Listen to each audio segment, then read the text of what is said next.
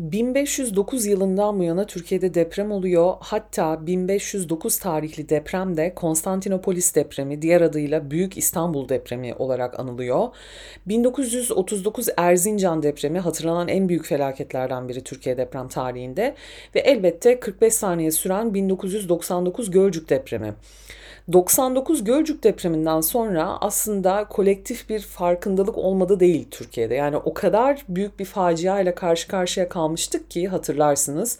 Hem bilgisizliğimizin şaşkınlığı içindeydik hem de yıkımın şokunu yaşamıştık ve 99 depremini takiben çok ciddi bir enformasyon akışı söz konusu oldu.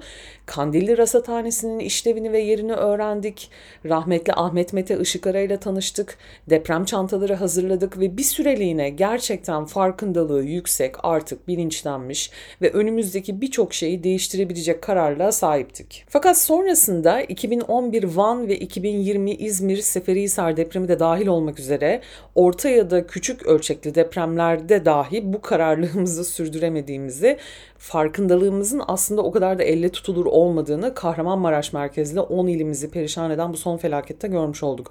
Burada 99 depremi sonrasında revize edilen imar kanunundan, bu kanunun uygulanış şeklinden ve cezai yaptırımlarından en son kentsel dönüşüm kalkınmasının nasıl elimizde patladığına kadar yüzlerce sistemsel ve yönetimsel hata sayılabilir. Fakat bunu saymanın bir anlamı yok ne yazık yani. 9 saat arayla 7 üzeri şiddette 40 saniyenin üzerinde süren iki depremden e, şu anki verilere göre 5000'in üzerinde can kaybından ve 10.000'den fazla yıkılmış binadan daha gerçek bir şey yok. Dolayısıyla geçmişe keşke oltaları atmanın hiç kimseye bir faydası olmayacak bu durumda. Şu anda karşı karşıya olduğumuz sorunlarla yüzleşmek sanırım en doğrusu olacak. 30 saati aşkın bir süredir medyadan takip ettiğimiz kadarıyla ulaşım, koordinasyon ve organizasyon sorunlarımız var.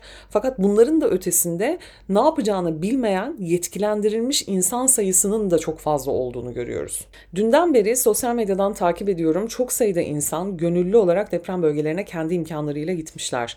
Ya bu gerçekten büyük bir yüce gönüllülük. Yani her şey bir tarafa, tüm rutinleri, işi, okulu, çoluğu, çocuğu standby'a alıp bu hava şartlarında kalkıp deprem bölgesine gitmek gerçekten çok insani, çok örnek alınası bir davranış diyelim. Eğer bu gibi afet durumlarında profesyonel bir eğitiminiz veya tecrübeniz var ise, yani şimdi bu söylediğim kulağa çok katı gelebilir ancak o bölgelerde gerçekten bu konuda eğitimi ve tecrübesi olan insanlar işe yarıyorlar. Aksi halde oraya yardıma giden siviller de depremzedelerden farksız oluyor ve kaynak tüketimi katlanmaya başlıyor.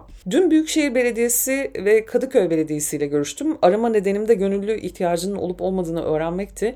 Hem İstanbul Büyükşehir Belediyesi hem de Kadıköy Belediyesi şimdilik personel ihtiyaçlarının olmadığını ancak böyle bir durumda sosyal medya hesaplarından gönüllülük duyurusu yapacaklarını ilettiler. Gönüllülük desteğinin belediyeler başta olmak üzere dernek ve organizasyonlara sağlanması deprem bölgelerindeki organizasyonu da rahatlatacaktır mutlaka böyle düşünüyorum. Ya o kadar fazla anormallik var ki yani felaket yaşanalı 24 saat dolmamışken göçük altındaki insanları telefonla arayıp işleten bir grup ergen gündem oldu. Emniyet bunlarla uğraştı. Deprem bölgelerindeki çocuklar çok esrarengiz bir şekilde ortadan kaybolmaya başladı. Yardım tırları trafik konvoyunda boşaltıldı. Ve tabii ki de güç bela ayakta tuttuğumuz sinir sistemimiz bu haberleri görünce ve duyunca elbette iyice çöktü. Artık bir deprem ülkesi olduğumuzu kabul etmemiz gerekiyor. Bu zaruri. Fakat bunu kabul etmek yalnızca bireysel olarak gösterilebilecek bir çabayla mümkün olmayacak tabii ki.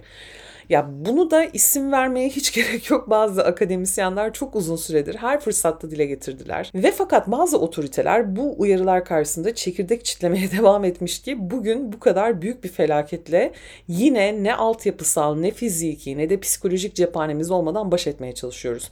Herkesin senelerdir verdiği bir örnek var Japonya. Ve Japonya örneği de hep genellikle böyle bilye sistemli binaları üzerinden verilir. Ancak yıkılmadan kımıldayan binalara gelene kadar Japonların gerçek bir deprem kültürü var. Yani Japon mühendis ve mimarların yaptıkları binaları konuşmaktan bu kültürü nasıl edindiklerine, nasıl disipline olduklarına gelemiyoruz bir türlü. Evet Japonya birden fazla alandaki yüksek teknoloji yenilikleriyle dünya çapında hayranlık uyandırıyor ve altyapısındaki dayanıklılık söz konusu olduğunda kesinlikle en ileri seviyede. Peki doğal ve insan kaynaklı afetlerle karşı karşıya kalan bizim gibi ülkeler Japonya'nın depreme dayanıklılık yaklaşımından ne öğrenebilir? Bunun üzerine okudum bugün çok fazla. Bayağı bir baktım ve depreme dayanıklı yapılar inşa ederken Japonların üç prensipten şaşmadıklarını gördüm. Birincisi güçlü düzenleme hayati önem taşır diyorlar. Direnç için minimum standartlarla ilgili çok net yasalar koyuyorlar. İkincisi yenilik esastır diyorlar. Japon tasarımcılar depreme dayanıklı daha da sofistike binalar üretmek için sürekli olarak yenilik yapıyorlar. Bu da kendilerini geliştirmekle ve elbette eğitimle alakalı. Üçüncüsü de diyorlar ki yatırım kritiktir. Depreme dayalı bir bina inşa etmek standart bir binaya göre %20'ye varan oranda daha pahalı. Yine de uzun vadede bu yaklaşım bina sahiplerinin ya da kat maliklerinin diyelim paradan tasarruf etmesini sağlıyor. Çünkü binaları deprem olduğunda hasar görmüyor. Japonya'yı vuran bu arada çok sayıda sismik olay var. Dolayısıyla bu tehditlerin bir sürekliliği var.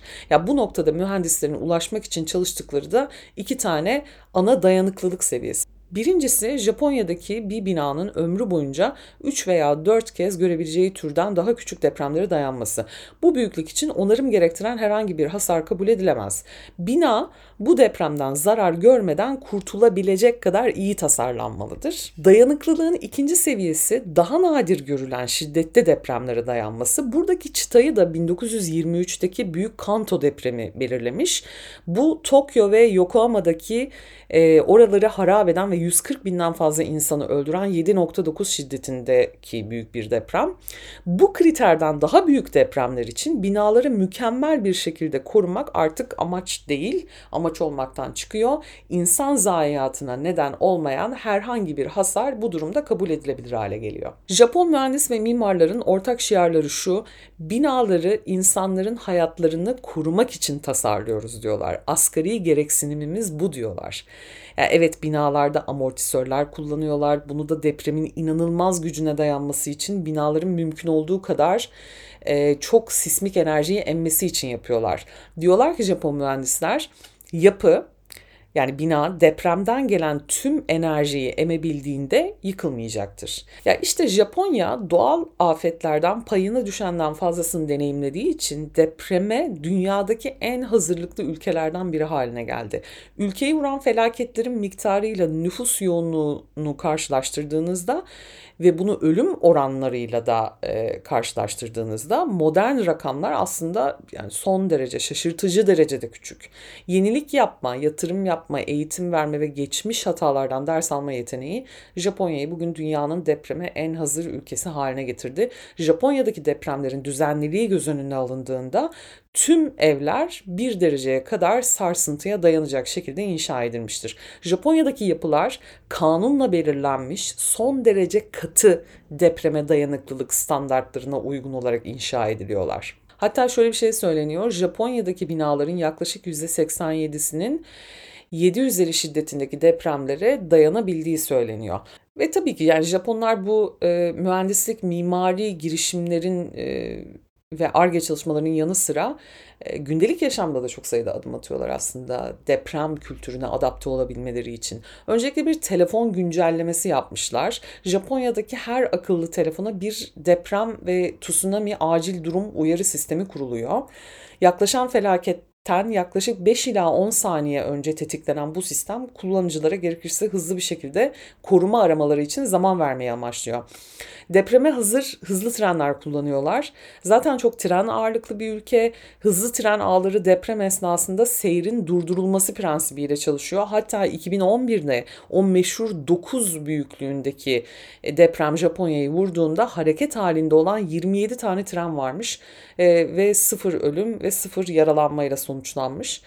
E, bizdeki propagandaların aksine anında televizyon yayınına geçiyorlar. Ülkeyi e, bir deprem vurursa Japonya'nın tüm televizyon kanalları derhal resmi deprem haberine geçiyor ve nüfusun nasıl güvende kalacağı konusunda sürekli bilgilendirme yapıyorlar. Ve tabii ki afet önleme konusunda farkındalık ve eğitime çok önem veriyorlar. Evet dünyanın dört bir yanında bütün okullarda e, acil durum yangın tatbikatları vesaire düzenleniyor. Türkiye'de de yapılıyor. Çok ciddiye alınmasa da. E, ama Japonya'daki okullarda bu düzenli olarak yapılıyor. Hatta ayda bir iki kere yapılıyor. E, ve çok küçük yaşlardan itibaren okul çocukları bölgelerini bir deprem vurduğunda koruma aramanın ve güvende kalmanın en iyi yolu konusunda eğitiliyorlar. Depremde hayatta kalma kitleri Japonların zaten hayatlarında çok önemli bir yer tutuyor. Her hanenin depreme nasıl hazırlandığı tabii ki değişiyor ancak bunun da bir e, standardını yapmışlar. Birçok evde depreme karşı hayatta kalma kitleri bulunuyor. İlk yardım ekipmanları, şişelenmiş su, yiyecek kitleri, eldivenler, yüz maskeleri, yalıtım örtüleri, yedek piller, fener, powerbank, meşaleler gibi hayatta kalma araçları ve hatta düzenli güncellemeler yayınlayan radyolar var bu kitlerin içinde.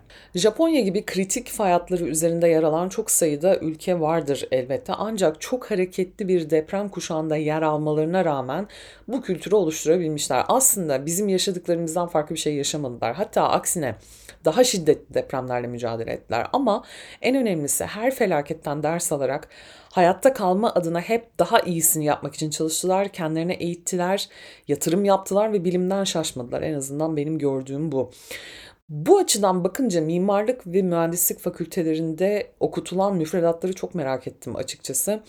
İstemeden öyle bir sonuca varıyorum ki coğrafya müfredatı da etkiler mi acaba diye soruyorum. Bilgisi olan Zaruri Şeyler Fakültesi'nin Instagram hesabından bana yazabilir.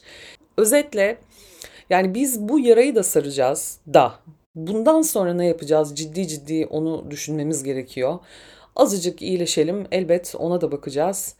Bu güzel ülkeye sevgiyle diyelim. Bir sonraki bölümde görüşmek üzere.